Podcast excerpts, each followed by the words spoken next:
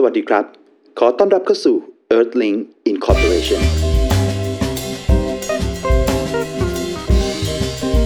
Welcome to the Earthlink Incorporation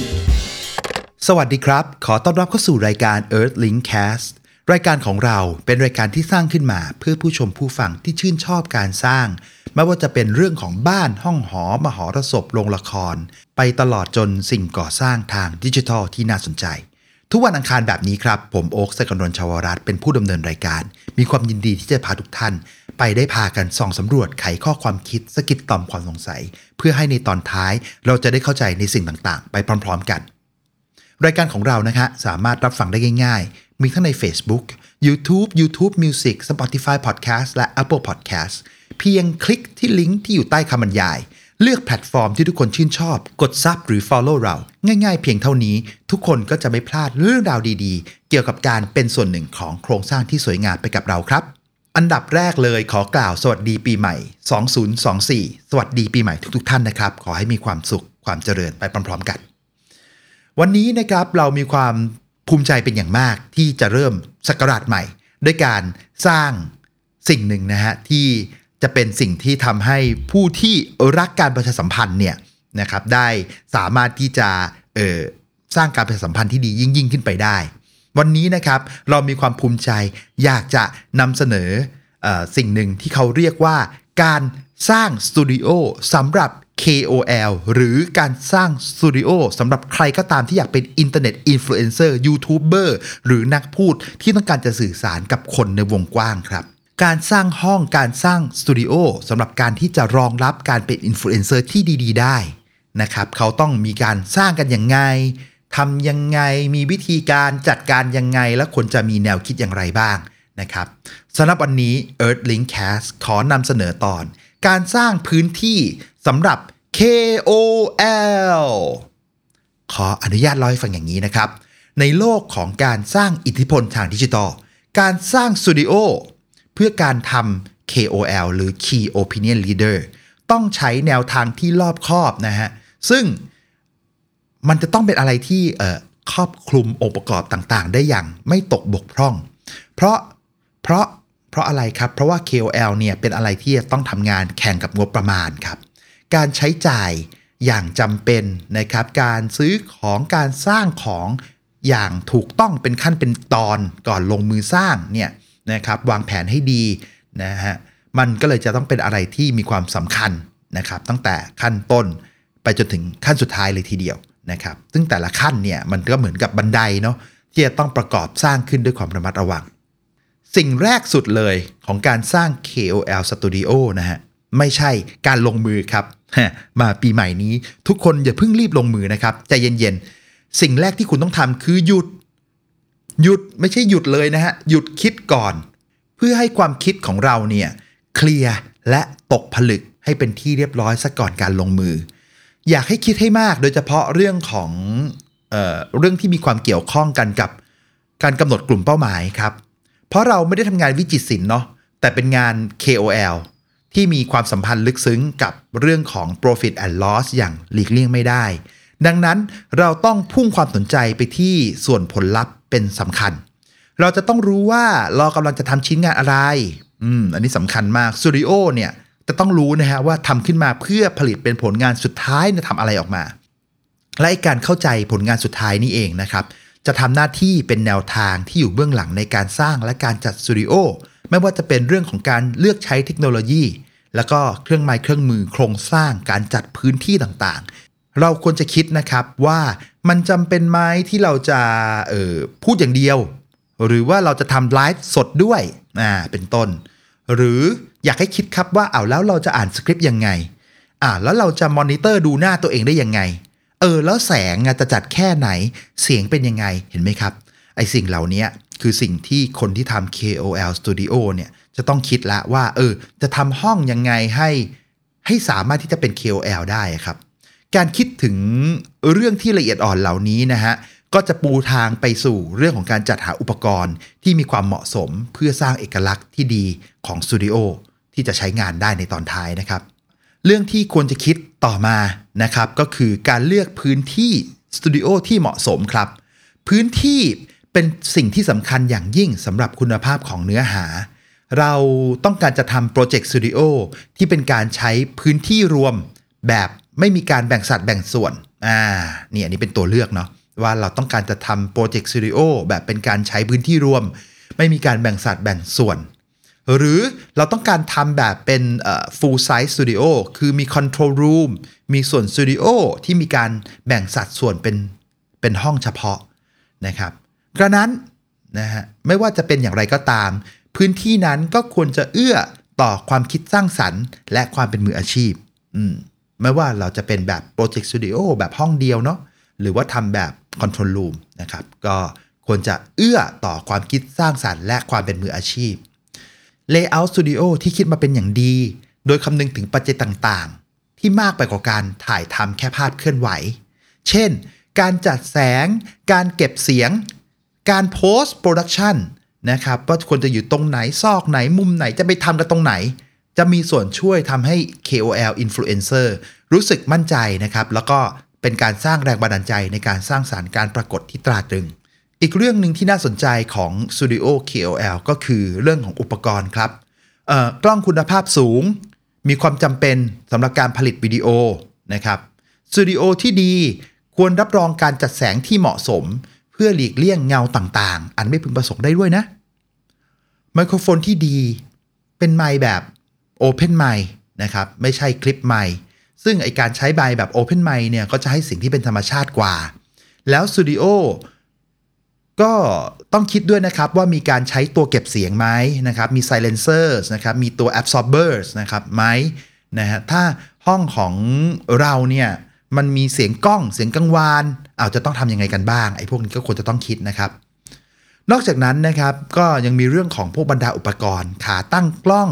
บรรดาอุปกรณ์ยึดจับที่มั่นคงนะครับทำให้การถ่ายทำเนี่ยมีความน่าเชื่อถือได้นะไม่ใช่ว่าถ่ายๆไปกล้องค่อยๆ เหี่ยวลง ไอ้สคริปต์ค่อยๆ ตกลง ไอ้นั่นก็เอียดแอดเก้าอี้ก็เอียดอาดอย่างเงี้ยไม่ work นะครับ การลงทุนในอุปกรณ์ก็ควรคิดไปไกลถึงเรื่องของการลงทุนในซอฟต์แวร์ด้วยนะไม่ว่าจะเป็นซอฟต์แวร์ทางเสียงนะครับ หรือซอฟต์แวร์ทางภาพ เช่น Adobe นะครับ หรือ Final Cut หรือ Logic Pro หรือคุณจะเอาแบบไหนไอ้พวกนี้นะครับ จะต้องคิดให้รอบคอบด้วย ซึ่ง Post Production ซอฟต์แวร์ที่ดี ก็จะช่วยให้สตูดิโอได้มั่นใจว่าผลิตภัณฑ์ขั้นสุดท้าย จะออกมาเป็นอะไรได้อย่างสวยงาม นอกจากนั้นนะฮะการคิดเรื่องของ Studio KOL ก็ยังต้องคิดเรื่องของการคิดเรื่องของค่าเสื่อมอุปกรณ์ด้วย การคิดเรื่องของการซ่อมบำรุง เป็นสิ่งที่จะไม่คิดไม่ได้เลยนะครับ เพราะการตามทันความก้าวหน้าทางเทคโนโลยีเป็นสิ่งสำคัญ การรักษาอุปกรณ์ของสตูดิโอให้ใช้ได้ดี ทันสมัยและอยู่ในสภาวะที่แข่งขันได้ ก็เป็นสิ่งที่จะต้องทำตลอดเวลาสำหรับคนที่จะทำสตูดิโอ KOL นะครับ ถัดต่อมา ถัดต่อมาครับ จากเรื่องของอุปกรณ์ เราก็ต้องมาดูกันในเรื่องขององค์ประกอบที่สวยงาม รวมถึงพวกฉากหลังด้วยนะครับ การออกแบบฉากเนี่ยการทำ KOL Studio เนาะไม่ได้คิดว่าการทำห้องอย่างเดียว มันต้องมีการออกแบบฉากไหม การใช้เฟอร์นิเจอร์ และอุปกรณ์ประกอบฉากที่คัดสรรมาเป็นอย่างดี จะทำให้คุณได้สตูดิโอ KOL ที่น่าดึงดูดครับ ความใส่ใจในรายละเอียดนี้ก็จะสร้างประสบการณ์ที่ตราตรึงกับผู้ชมฮะเพิ่มความน่าเชื่อถือของ KOL ที่นำเสนอ และ สำหรับผู้ที่กำลังพิจารณา session การถ่ายทอดสด การมีระบบ network ที่แข็งแรง รองรับการสตรีมมิ่งสดที่เชื่อถือได้ ก็เป็นสิ่งสำคัญเป็นอย่างมาก ดังนั้น KOL Studio ที่ดีที่จะทำไลฟ์ก็ควรจะนึกถึงการมี network ที่ที่ที่เร็วนะครับ แล้วก็เชื่อถือได้ ลองดูนะครับว่าเออจะเดินสายแลนไปทางไหนหับต้องเดินมาทางไหน ควบคู่ไปมันจะมี interference กับเออสัญญาณไฟฟ้าแล้วก็สัญญาณเสียงไหมอันนี้ต้องคิดให้ดีด้วยนะครับ นอกจากเรื่องของการจัดสตูดิโอเพื่อให้รองรับต่อการทำ post production แล้วสตูดิโอที่ดี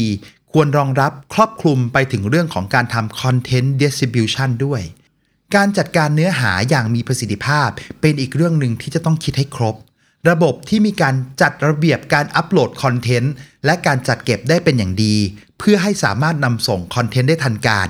เนี่ยเป็นเรื่องที่ต้องทำนะครับ ควรคิดให้ดีว่าเราควรจะจัดการไฟล์ ระดับ terabyte petabyte ได้อย่างไร hard disk และ network ต่างๆ มันจะถ่ายเท transfer file กันยังไง เราจะใช้ระบบเรทไหม นะครับเราจะใช้ระบบ Network เอ่อ Storage ไหมนะครับเรื่องพวกนี้เป็นเรื่องที่จะต้องคิดกันให้แตกก่อนนะครับ ก่อนที่จะทำ KOL Studio เพื่อให้มั่นใจว่า Flow ทั้งหมดนะครับตั้งแต่ต้นจนถึงตอนท้ายมันจะราบรื่น และเมื่อเราทำการ distribute content ไปแล้วเนี่ยในการแข่งขันกันของเรื่องของการเป็น KOL Studio ที่ดีเนี่ยมันก็ควรจะ support ไปในเรื่องของการใช้ประโยชน์จากโซเชียลมีเดียอีเมลและการทำงานร่วมกัน จะขยายการเข้าถึงเนื้อหา วันนี้นะครับนอกจากที่เราจะมาพูดถึงเรื่องของการสร้าง KOL Studio แล้ว เรายังจะขอฝากทิปหรือเคล็ดลับที่น่าสนใจในการสร้าง KOL Studio ไว้ให้ผู้ฟังด้วยกัน 6 ข้อดังนี้นะฮะหนึ่งก็คือ KOL Studio ที่ดีนะครับควรอำนวยเรื่องของความถูกต้องของเนื้อหาให้ได้นะครับคิดไปให้มาก ไกลไปกว่าเรื่องแค่การสร้างสตูดิโอนะครับสตูดิโอที่ดีไม่ควรจะทำให้ผู้ผลิตนะครับหรือ KOL ต้องมานั่งกังวลใจเรื่องของเทคโนโลยี แต่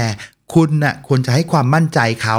เพื่อเป็นการเปิดพื้นที่ให้กับ KOL ได้ส่งเสริมและสร้างสรรค์คุณภาพงานของเขานะครับ ข้อที่2สตูดิโอ KOL ที่ดีจะต้องปรับปรุงอยู่เสมอๆเลยนะฮะ การยอมรับ ถึงความเปลี่ยนแปลง และการปรับตัวเข้ากับเทรนด์และก็เทคโนโลยีใหม่ๆ ในการสร้างเนื้อหา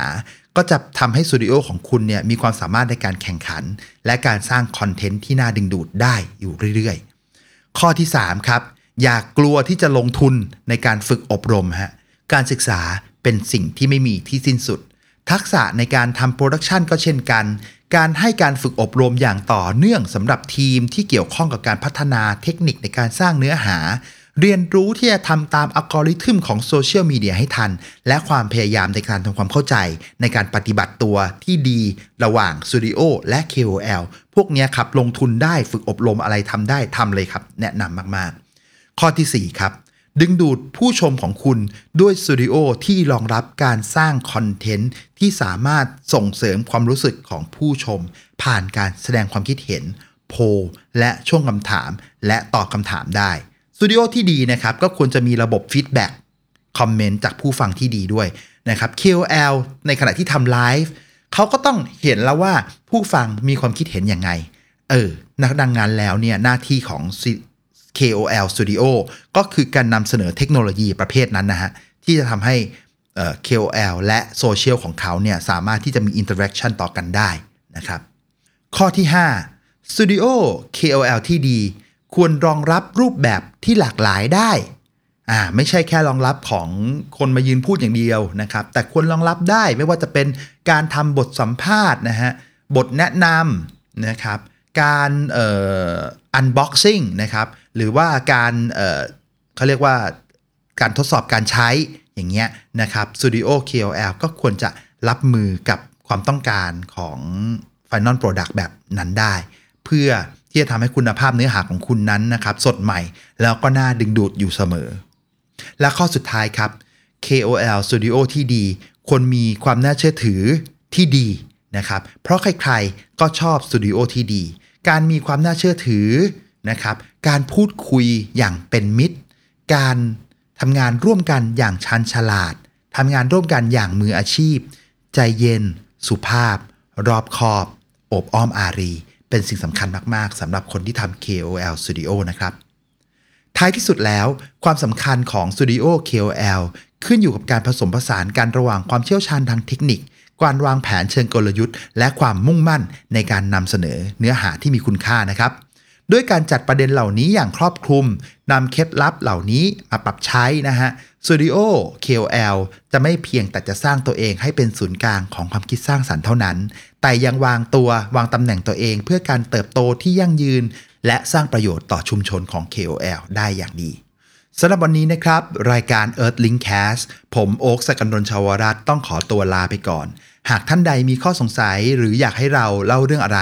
ก็สามารถส่งข้อความมาได้ตามช่องทางที่มีเลยนะครับ ก่อนจากการฝากประชาสัมพันธ์ครับว่าเพราะทุกกำลังใจของท่านคือพลังในการเคลื่อนไปของเรา ฝากกดแชร์ กดไลค์กด Subscribe และที่สำคัญที่สุด ฝากบอกเล่าเรื่องราวของเราต่อๆกันไปด้วยนะครับสำหรับวันนี้ผมขอตัวลาทุกท่านไปก่อน แล้วพบกันใหม่ในสัปดาห์หน้าสำหรับวันนี้ สวัสดีปีใหม่ และสวัสดี ปิดท้ายรายการ สวัสดีครับ